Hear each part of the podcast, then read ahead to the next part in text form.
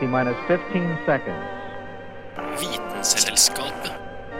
T minus 10, 9, 8, 7, 6. We have main engine start. 4, 3, 2, 1, and liftoff. Vitenselskapet. Vitenselskapet på Radio Nova.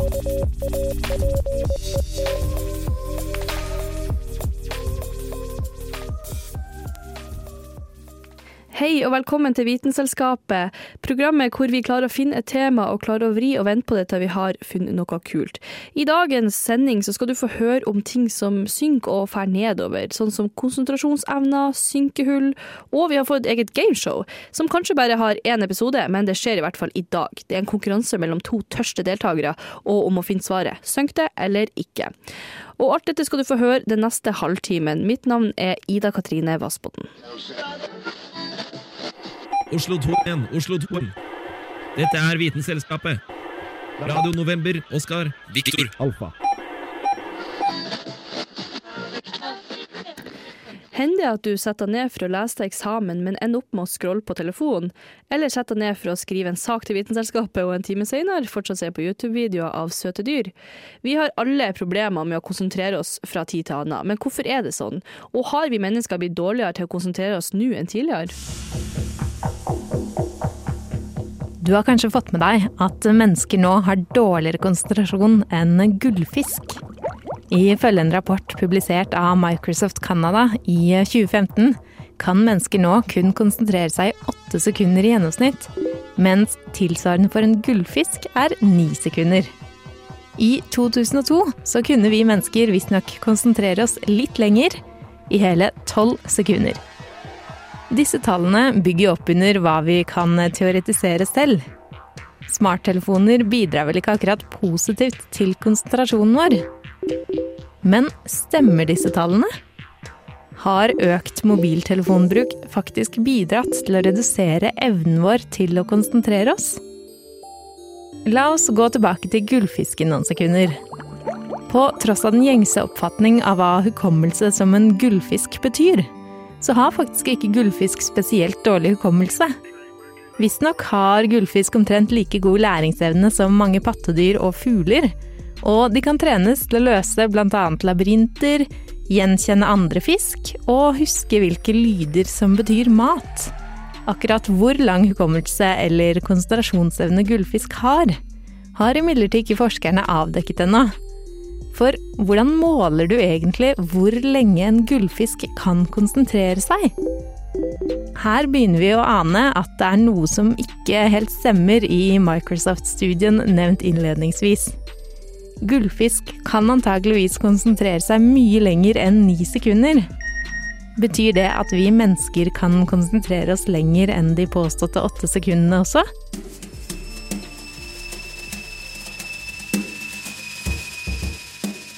Svaret er at eh, konsentrasjonstiden, eller attention span på engelsk, avhenger av hva vi prøver å konsentrere oss om. Fordi konsentrasjonsevnen vår varierer, både mellom oppgaver og dagsform, så har forskerne i stor grad gått bort fra å kvantifisere en standard konsentrasjonstid.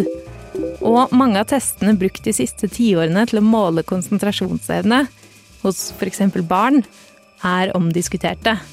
Men om det ikke er mulig å kvantifisere hvorvidt vi mennesker har fått dårligere konsentrasjonsevne i løpet av de siste årene, hvorfor er jeg så vanskelig med å komme meg gjennom en avisartikkel i én lesning, mens farfar kan lese mange hundre sider i bøker sammenhengende? Noe av svaret ligger i hva som er tilgjengelig for oss av informasjon og forstyrrelser. Evolusjonært sett er vi spissa til å sette pris på ny informasjon og ting som beveger seg, siden forfedrene våre var avhengig av denne egenskapen for å overleve. Evnen til å konsentrere seg om ny informasjon, som f.eks. værskifter og hvor man kunne finne mat, og å være på vakt for dyr i bevegelse, ga overlevelse. I dag er vel ikke det å klikke seg gjennom YouTube fra den ene kattevideoen til den andre et direkte spørsmål om liv og død. Men menneskenaturen vår får oss allikevel til å synes at ny informasjon er veldig spennende. I hvert fall mer spennende enn eksamenspensum.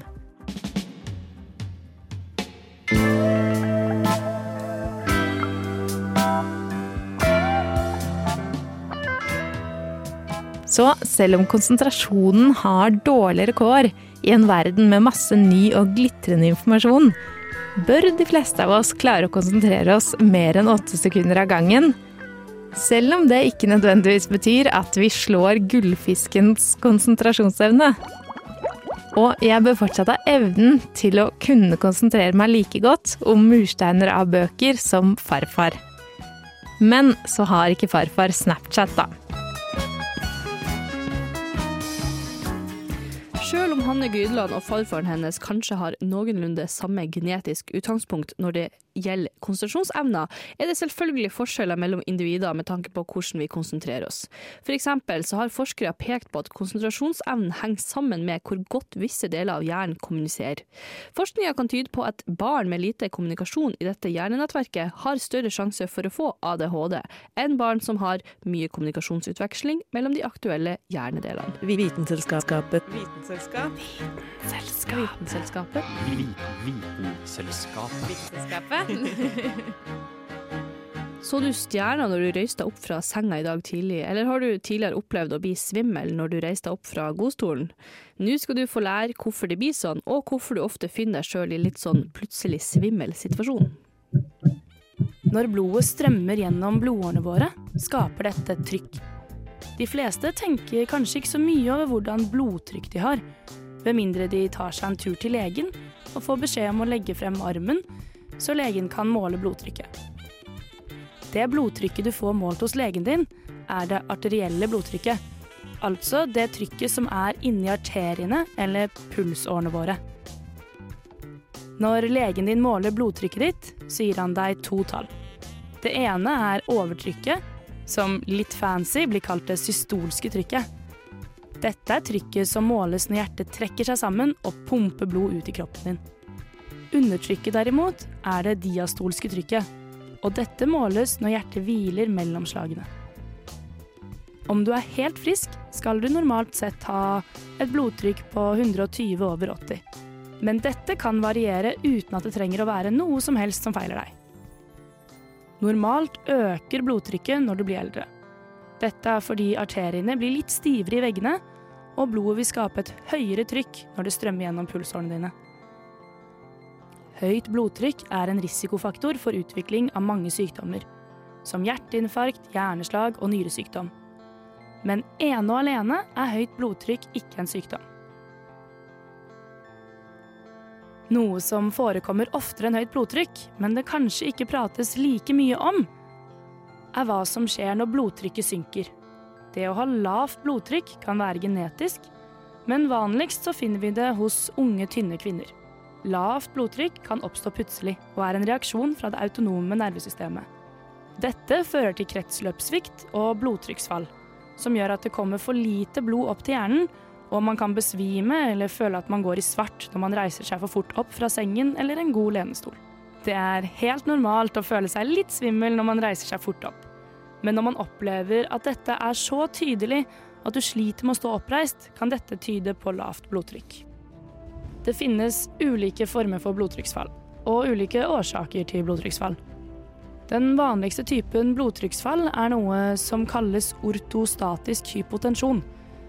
Ja, litt enklere sagt er det en eh, stillingsendring som fører til at eh, blodtrykket faller. Dette oppstår når man bytter stilling fra liggende til stående, liggende til sittende eller sittende til stående. Når vi reiser oss, synker blodet nedover i kroppen. Og nervesystemet vårt det merker dette og reagerer med å trekke blodårene sammen og dermed øke blodtrykket igjen. Dette kan være veldig ubehagelig, og du kan føle at du må stoppe opp og få igjen balansen. Andre, også helt ufarlige årsaker til blodtrykksfall kan være at nervesystemet lurer deg litt. Når du f.eks. ser masse blod eller noe annet du syns er ubehagelig å se på. Kroppen din reagerer da ved å åpne blodårene, ja, eller utvide blodårene, slik at blodet faller nedover. Om du må stå stille lenge, slik som gardesoldatene utenfor Stortinget gjør, kan man også oppleve blodtrykksfall. I tillegg øker sannsynligheten for blodtrykksfall om du har høyt inntak av mye sukker eller alkohol. Dersom du der hjemme nå sitter og tenker at du er mye plaget av blodtrykksfall, og spesielt hvis det medfører besvimelser uten forklarlig årsak, da kan det være lurt at du oppsøker lege. Men det er viktig å merke seg at det som oftest er helt ufarlig, og at de som har lavt blodtrykk, faktisk lever lenger enn de med høyt blodtrykk. Og til slutt et bitte lite tips for å unngå blodtrykksfall er det viktig å få i seg nok væske og salt. Spesielt hvis du er på sydentur eller i andre varmere strøk. Det skal sies, de her tipsene har vært greie å ha når Oslo var så varm at det nesten nådde kokepunktet i sommer, men vi får alle notere det til neste varmesjokk. Og dette innslaget ble laga av Aurora Thommessen. Du hører på Vitenselskapet på Radio Nova.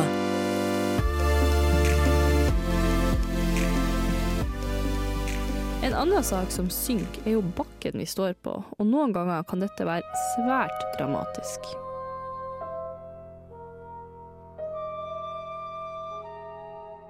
I november 2013, i byen Tampa i Florida, opplevde en familie noe merkelig.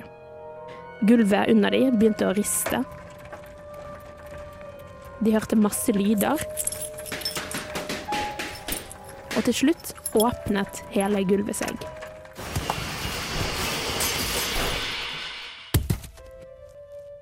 Men akkurat dette visste de nok kom til å skje. Siden ni måneder før hendelsen så fikk de nemlig en vurdering av huset. Og der ble de fortalt at huset deres lå på toppen av et synkehull. Familiens svar på det her var at de ikke ønsket å gjøre noe med det. Så da skjedde det, da. Litt av huset deres ble slukt ned i et synkehull. Heldigvis var det ingen som ble skadet. Noe lignende skjedde også det samme året med 37 år gamle Jeff Bush fra Sefner i Florida. Men for han var det litt verre. Da han lå og sov, ble hele soverommet hans slukt ned i et synkehull. Og kroppen hans ble aldri funnet igjen. Synkehull er altså ganske vanlige i Florida. Fordi i dette området så er det veldig store forekomster av kalkstein under bakken, som kan bli ustabil med tiden. Men for at et synkehull skal bli et synkehull, må denne kalken under bakken løses opp. Dette kan skje f.eks. når regnvann siger ned i steinlagene i grunnen og løser opp kalken.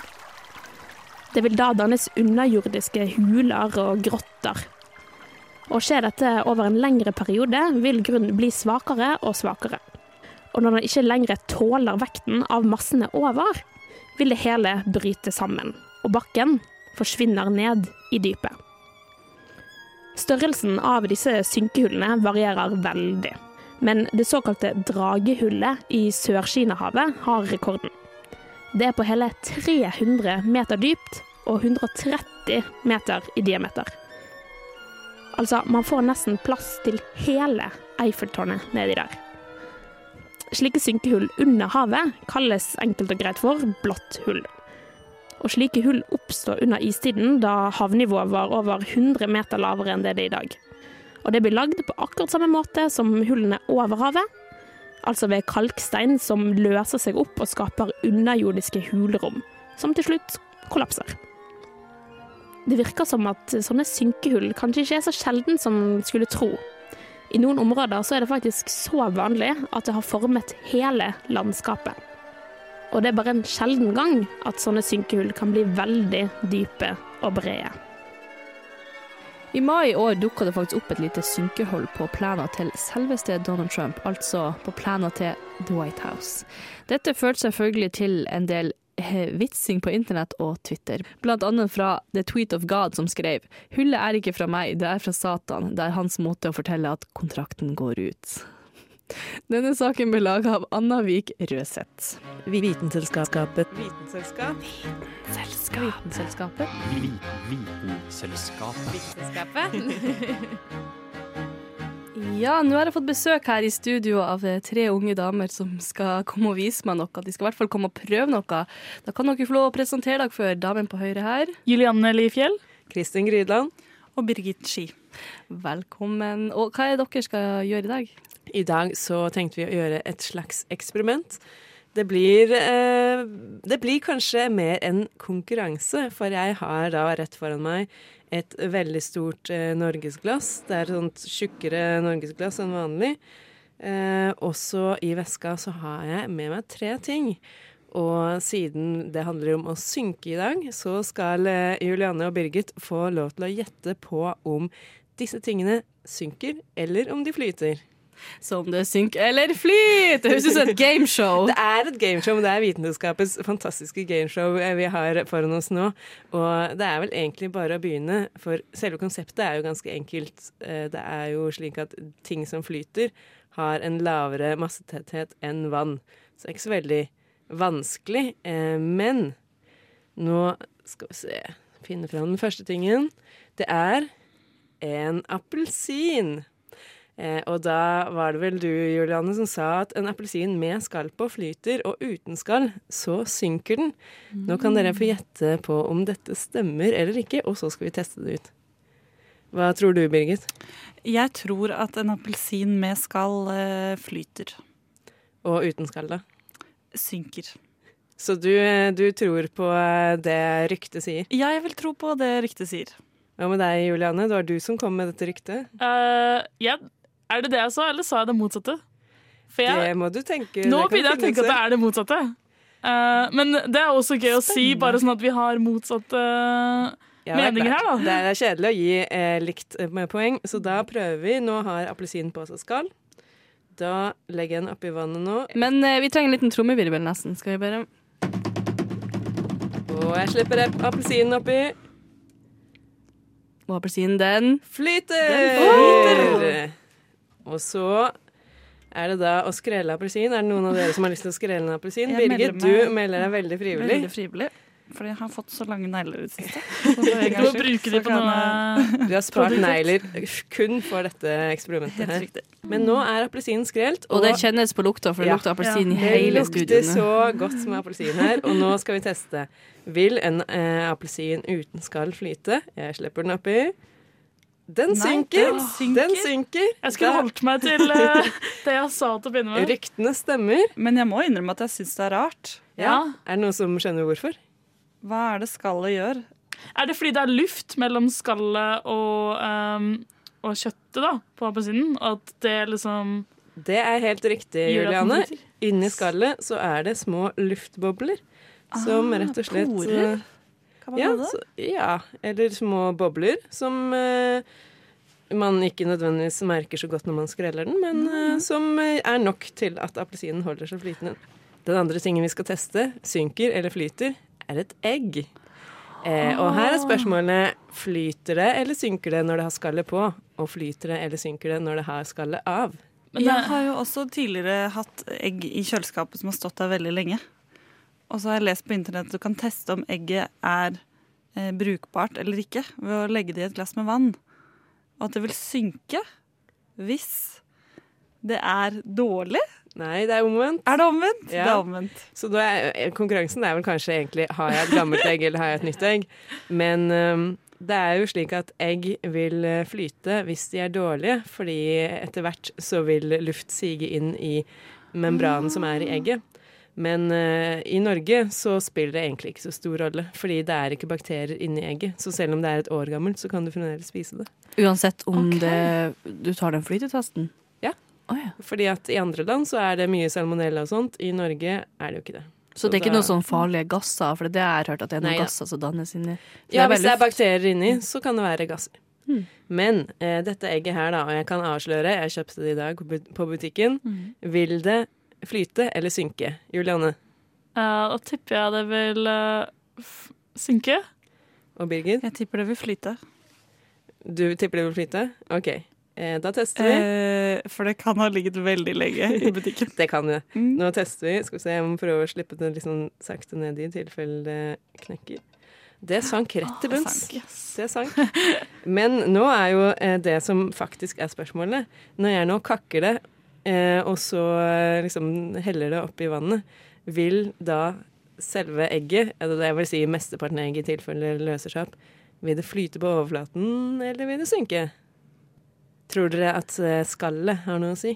Eh, jeg, logisk for meg er at det vil flyte. Ja, bare fordi du spør, så er det sånn Jeg må si jeg veit ikke svaret sjøl. Å, fordi at uh, jeg søkte på dette på internettet, og ingen hadde gjort dette eksperimentet før. Virka som. Jeg vet ikke helt hvorfor. Uh, Kanskje f- Nei, jeg skal ikke si grunner, det, det er bare sånt folk ikke gjør. Men kan jeg bare love å gjette? At jeg tror det blir å flyte, fordi at det er jo flytende masse. Jeg bare tror det. Ok.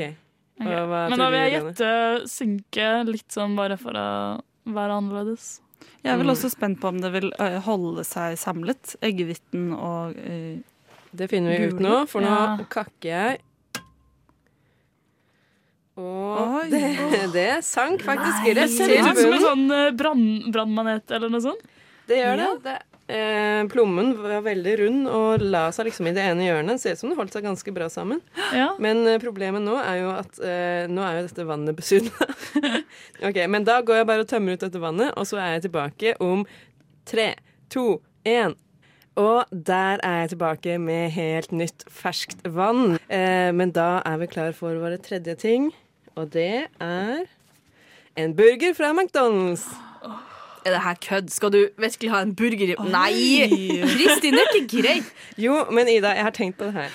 Fordi okay. jeg har også med meg teip, så jeg skal teipe den sånn at ikke delene flyter fra hverandre. Fordi jeg er jo ikke en tulling heller.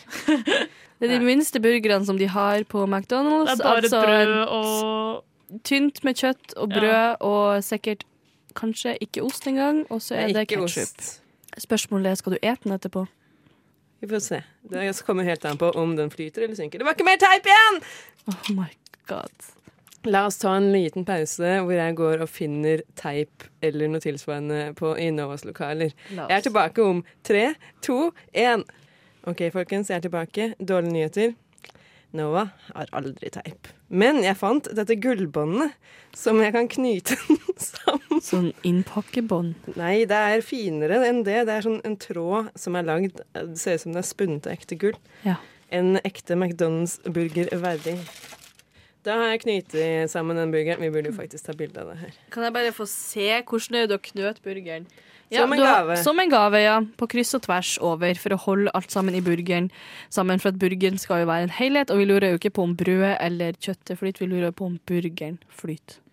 Så hva tror dere? Dette er da en uh, McDonald's-burger med litt tørt brød, og så en uh, kjøttpuck inni. Det er basically det det er. Vil den flyte? Hva tror du, Juliane? Vil den flyte, eller vil den synke? Jeg tror den må synke. For i hvert fall hvis du lar den ligge der lenge nok, så tar jo brødet til seg alt vannet, og så bare detter nedi. Så du mener at den vil synke etter hvert? Jeg tror den vil synke med en gang, egentlig. Okay. På grunn av, mest fordi pga. vekten og jeg, jeg tror ikke det er noen sjanse at den kommer til å flyte. Hva tror du, Birgit? For her har vi da Vi har kjøtt. Det er mye fett i kjøtt, og så er det brød, da. Det er ganske lett. Det er tror du akkurat flyte det. eller synke? Jeg tror den vil flyte hvis den er dårlig. Det er der kjøpte den i stad. Ja, du kjøpte den i stad. Jeg tror den vil flyte likevel. Da er det faktisk det store øyeblikket. Vil en burger fra McDonald's flyte eller synke? Jeg senker den ned i vannet. Nei! Den flyter som en dupper! dupp. Eh, men eh, vi kan jo la den være der en liten stund, som vi ser om eh, Julianes teori om soggy brød hjelper. Men eh, jeg må faktisk si det her er poeng til Birgit, fordi den flyter helt ekstremt bra. Den Eh, Jeg hadde ikke trodd det, men Nei. da er vel faktisk eh, resultatet klart. Husker ikke hvor mange poeng dere fikk, eh, men eh, jeg lurer på om kanskje det var Birgit som vant. Eh, la oss bare si det, siden eh, du var den siste Gratulerer. som svarte Yes. riktig. Gratulerer. Det her var stor bragd. Jeg er veldig Jeg har imponert over uh, de tingene Kristin tok med seg i dag til studio for å vise i konkurransen hva flyter og hva synker. Ti år, ti år uten å bli avslørt. Og jeg hadde kommet unna med det også. Jeg hadde kommet unna med alt. Om det ikke hadde var for disse brysomme snusene. Kristian, du kan ikke tro på dette. Din fatter masse. Hvordan? Vitenselskapet hever forskningen, senker svindlerne. Nå skal vi videre til noe som dere sikkert har savna, fordi Dag har vært på Island. Og på Island har ikke det her funtes noen gang, for Island er faktisk yngre enn dinosaurer. Men nå er det tid for Dinohjørnet. Dinosaurer er like dyktige til lands, til vanns og i luften. De både vandrer, springer, svømmer og flyr. Eller gjør de det? Vi må ikke glemme at pterodaktylene, flyveøglene, mesosaurene, de langhalsede svømmeøglene, og iktiosaurene, de fiskeaktige svømmeøglene, strengt takt ikke er dinosaurer i det hele tatt, men en form for utviklede reptiler, og altså hører til en annen dyregruppe enn dinoene. Så ikke la dere lure av det faktum at mesosaurene har ordet saur i seg. Saur betyr jo, når alt kommer til alt, øgle. Dinosaurer er like dyktige til lands, til vanns og i luften. De både vandrer, springer, svømmer og flyr. Eller gjør de det? Vi må ikke glemme at pterodaktylene, flyveøglene, mesosaurene, de langhalsede svømmeøglene, og iktiosaurene, de fiskeaktige svømmeøglene, strengt tatt ikke er dinosaurer i det hele tatt, men en form for utviklede reptiler, og altså hører til en annen dyregruppe enn dinoene. Så ikke la dere lure av det faktum at mesosaurene har ordet saur i seg. Når det er sagt, hører både dinoene, mesosaurene, iktiosaurene og pterodaktylene med til en overordnet gruppe, arkosaura, der fugler, krokodiller og moderne reptiler også hører til, og ordet arkosaura kommer fra latin og betyr de rådende reptiler. Uansett så har det seg slik at siden flyveøgler, fiskeøgler og svømmeøgler ikke er dinosaurer, så blir det vanskelig å snakke om at dinosaurene hadde spesialisert seg til å svømme, ettersom de jo hadde det viktige reptilianske ansvaret med å dominere landjorden.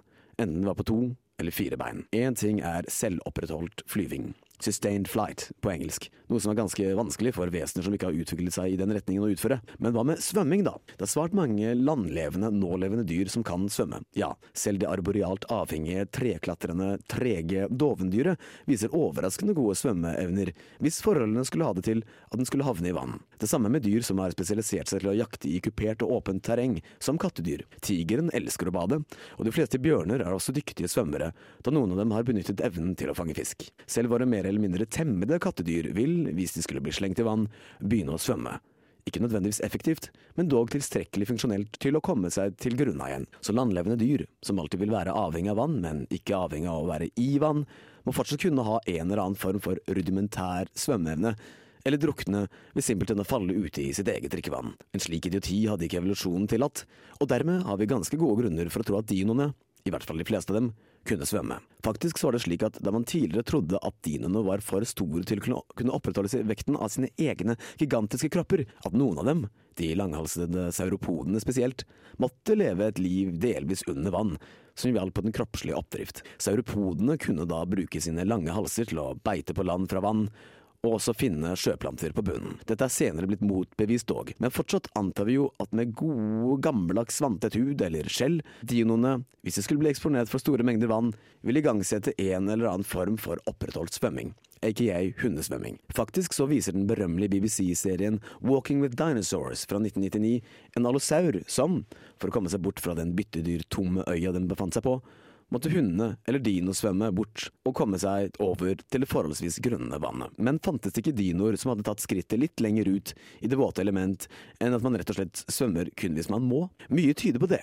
En av de mest kontroversielle og interessante dinoene i senere tid, spinosauren, viser seg nå å ha vært delvis amfibisk amfibisk, da den mest sannsynlig var en glimrende svømmer, som er en spesialisert fisker. Den lange, følsomme snuten og de krokete, syleskarpe tennene fremstår nå i etterpåklokskapens os og vise lys som åpenbare fiskeredskaper. Men det hindret ikke filmskaperne i Jurassic Park 3 å ta de sedvanlige kunstneriske friheter, da de fremstilte Spinoen som en voldsforlysten, landbasert tyrannosaurbekjemper. Spinoen er faktisk like stor som Tyrannosaurus rex, ja, faktisk litt større, så det var en for kul sjanse å misse. Men Spinoen hadde aldri befunnet seg i nærheten av en rex, og dermed ikke truet dens revir, da den ville vært mer enn opptatt med å fiske. There's plenty of fish in the sea. Spinoen ville svømt rundt med det vi nå vet er korte, kraftige og brede ben med luffeaktige andeføtter og sin karakteristiske kam, og vært fornøyd som en gullfisk i en fiskebolle da den svømte rundt i de rikholdige sjøene i krittiden.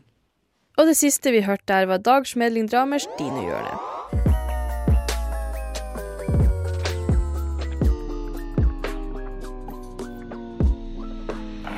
Vitenselskapet. Og det var alt vi hadde for i dag her i Vitenselskapet. Men vi er jo tilbake neste tirsdag, og da skal vi dele masse kul info fra Island. Og det blir ganske spennende. Men i denne synkende sendinga skal jeg dele noen visdomsord med deg. For at du er en så god lytter for meg. Så hvis vi har vært i en synkende båt, og man bare kunne redda ett liv, så hadde jeg savna deg og tenkt på deg ofte. Mitt navn er Ida Katrine Vassbotn. Vi snakkes. selskapet.